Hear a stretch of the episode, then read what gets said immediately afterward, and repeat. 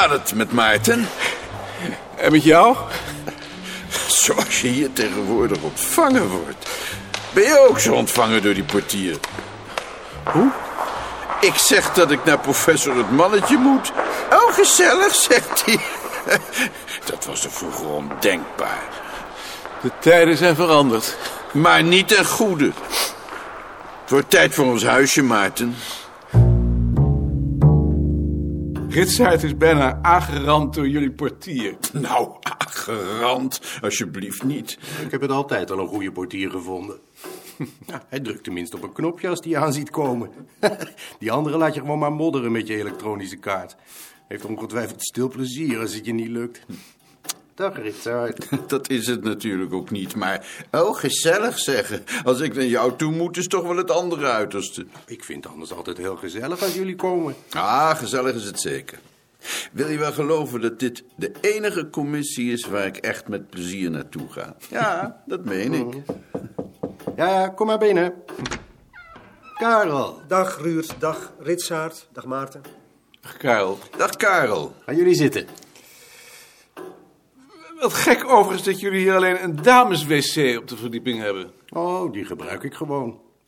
Als je het mannetje heet, kun je je dat wel permitteren. Bovendien, er werkt hier maar één vrouw. Hoe gaat het nu op het museum? Ik weet er niks van. Ik bemoei me er niet mee. Maar je zit toch op hetzelfde terrein? Maar daar blijft het dan ook bij. Ik moet je zeggen, toen ik dat hoorde, ik ben me rot geschrokken. Dat zoiets überhaupt mogelijk is.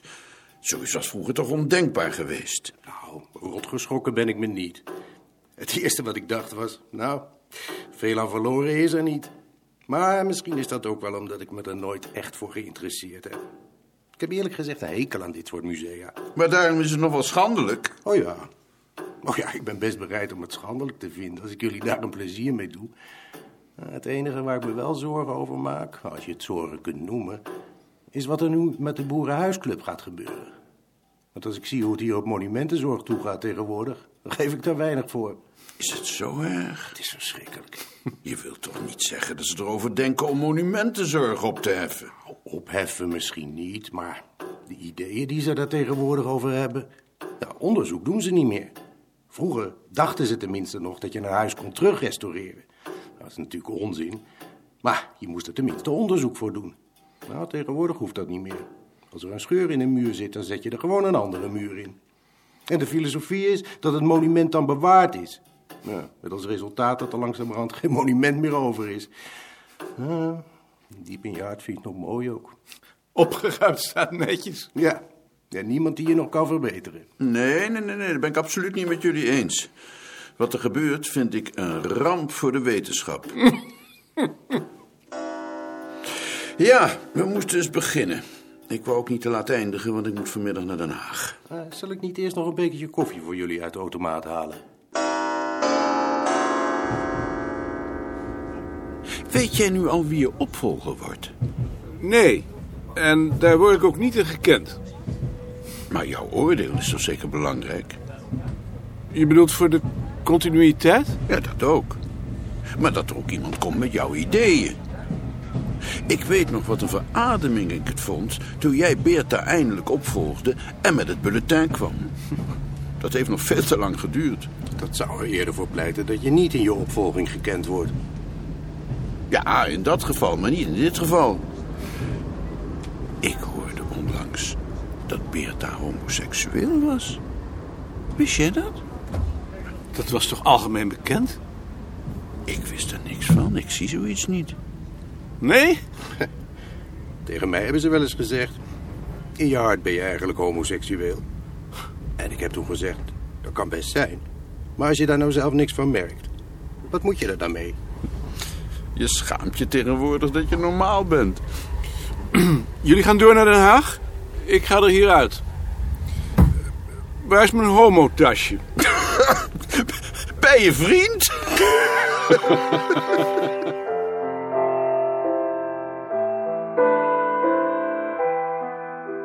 Weet je al wat je gaat doen als je straks met de fut bent? Wat zou ik moeten doen? Je zou vrijwilligerswerk kunnen gaan doen. Vrijwilligerswerk. Ja. Zo gek? Wat voor vrijwilligerswerk? In de derde wereldwinkel bijvoorbeeld? Of Nederlandse les aan buitenlandse arbeiders? Dat is niks voor mij. Ik heb er anders heel aardige contacten aan overgehouden. Daar heb ik helemaal geen behoefte aan. Ik ben bang voor contact. Meent hij dat nou? Ik geloof het wel. Maar ben je dan niet bang dat je in een gat valt? Ik heb jullie toch? Ben jij ook bang voor contacten, Harriet? Nou, Willen jullie thee? Ja, graag. het is hier koud. Ja, het komt omdat we zo nat zijn geworden. Hij is niet eens aan, als je het mij vraagt. De dialectatlas.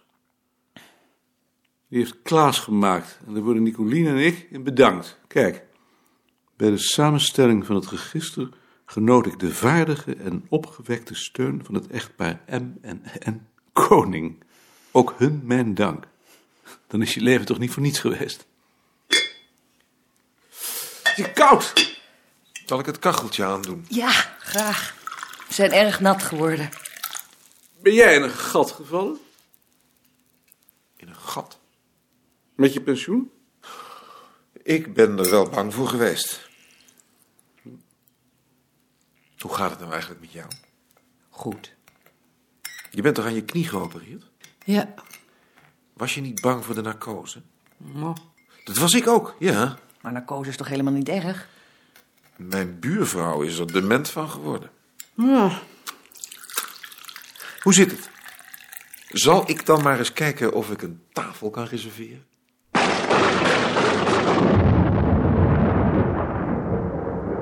Henriette nam de leiding. Ze droeg een wollen mutsje en liep wat voorover met een hoge rug, waardoor haar jas, een groene jagersjas, op die plek wat vaal leek, alsof ze een bult had. Hij had moeite haar bij te houden, terwijl hij tegelijk het gesprek achter hem tussen Klaas en Nicolien probeerde op te vangen. Dat lukte maar half en dat irriteerde hem. Hij begreep niet waarom Henriette altijd zo moest rennen. Ze staken de Westduinweg over en liepen langs de haven. De vuilwitte loggers, waarop zomers tochtjes werden gemaakt, lagen roerloos langs de kade. Achter een wegrijdende auto bleef een grote drol liggen. Kijk, van die auto!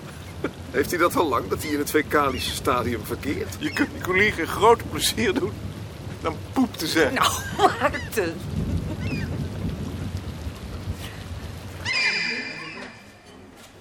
Onder het eten zeiden ze weinig. Naast hen zat een Hindoestaanse familie. Het kleinste meisje zat in een kinderstoel en lachte achter haar zusje om tegen Nicolien. Het meisje lacht tegen hem. Het is geen meisje. Het is een jongetje. Is jouw zusje een jongetje of een meisje? Zie je wel? Hindoestaanse kinderen hebben iets sierlijks. Hebben jullie die nieuwe ets gezien? Die aan de muur in mijn kamer hangt? Nee? Die is van een meisje dat ik in de derde wereldwinkel heb leren kennen. Hij nam nog ijs met gember. Toen nam Klaas ook maar een ijsje, Nicolien Irish koffie. Toen ze die bijna op had, stootte ze haar glas om en brak het. Hij bedong zijn irritatie en stelde niet voor de eerste keer vast dat hij een onaangename rechtsmens was. Geeft niks om mevrouw. Wij breken ook wel eens wat. Willen jullie thee? Zeg jij maar thee. Ja, graag. En jij, Harriet? Ja. Wat denken jullie nou dat die Eds voorstelt? Grashalmen. Natuur. Blauwe grashalmen in de wind. Je moet er maar opkomen. We bewonderen je Eds. Ja, daar ben ik ook heel tevreden over. Eh, heb ik jou je cadeautje voor je verjaardag al gegeven? Ze is toch pas over negen maand jarig? Nee? Hier is het. Ik weet wat het is. Jij weet het ook, hè? Nee. Het is het niet. Wat? Hm, Is het het niet? Ach, jezus, nee, dit is een kinderboekje. Dat was voor iemand anders. Op dat plakkertje staat anders de aardbaarheidsfactor. Ja, dat had het moeten zijn, jezus. Dat is me nog nooit overkomen. Daar heb ik een andere herinnering aan.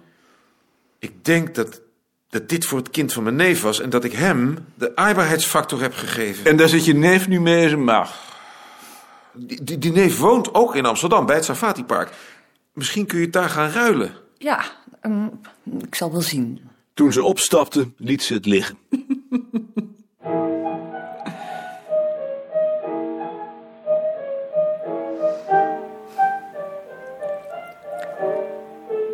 Ik ben triest. Triest? Waarom?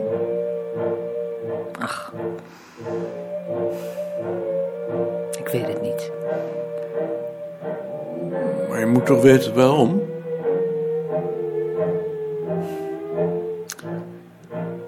Ik denk om vroeger. Als je bedenkt hoe het vroeger was. En wat daarvan is overgebleven. Ad,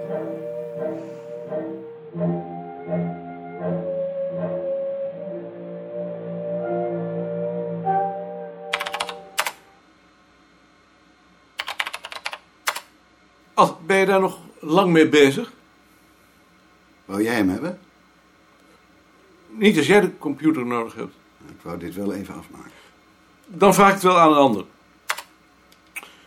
Eh, ik heb vorige week opnieuw een gesprek met Van der Marel gehad over de databanken. Ik heb nog eens geprobeerd om aan zijn verstand te brengen dat die voor het bureau van levensbelang zijn, omdat ze op de universiteit nooit aan zulke arbeidsintensieve projecten toekomen en daar ook niet de mensen voor hebben. Ik geloof niet dat hij er iets van begrijpt. Die man is ontzettend kortzichtig. Hij wil het nog wel van mij aannemen als de wetenschappelijke medewerkers geen tijd kosten. Dat kan natuurlijk niet. Een databank moet onderhouden worden door de mensen die hem gebruiken. Dat geldt zeker voor een trefwoordencatalogus en voor de systemen op het muziekarchief en dat geldt ook voor een boedelbeschrijvingsarchief. Hij moet gewoon aan het idee wennen dat hier minder gepubliceerd wordt dan aan de universiteit en dat er veel tijd gestopt wordt in de systemen. Hoe dat afloopt, weet ik niet. Het zou me niet verbazen als hij wacht tot ik weg ben. In dat geval zou het goed zijn wanneer jij straks aan dat standpunt vasthoudt en ook mijn opvolger overtuigt. Het zou voor het bureau echt een ramp zijn als hij straks van alle wetenschappelijke medewerkers twee of drie artikelen per jaar gaat eisen. En verder wil hij een eh, promotieplicht invoeren. Dat doe ik echt niet. Ik denk niet dat hij dat van de mensen die al een aanstelling hebben kan eisen, maar ik heb ook gezegd dat dat in ieder geval de werkzaamheden op de afdeling niet mag doorkruisen. De mensen die aan een proefschrift werken zullen niet veel zin hebben om nog iets anders te doen.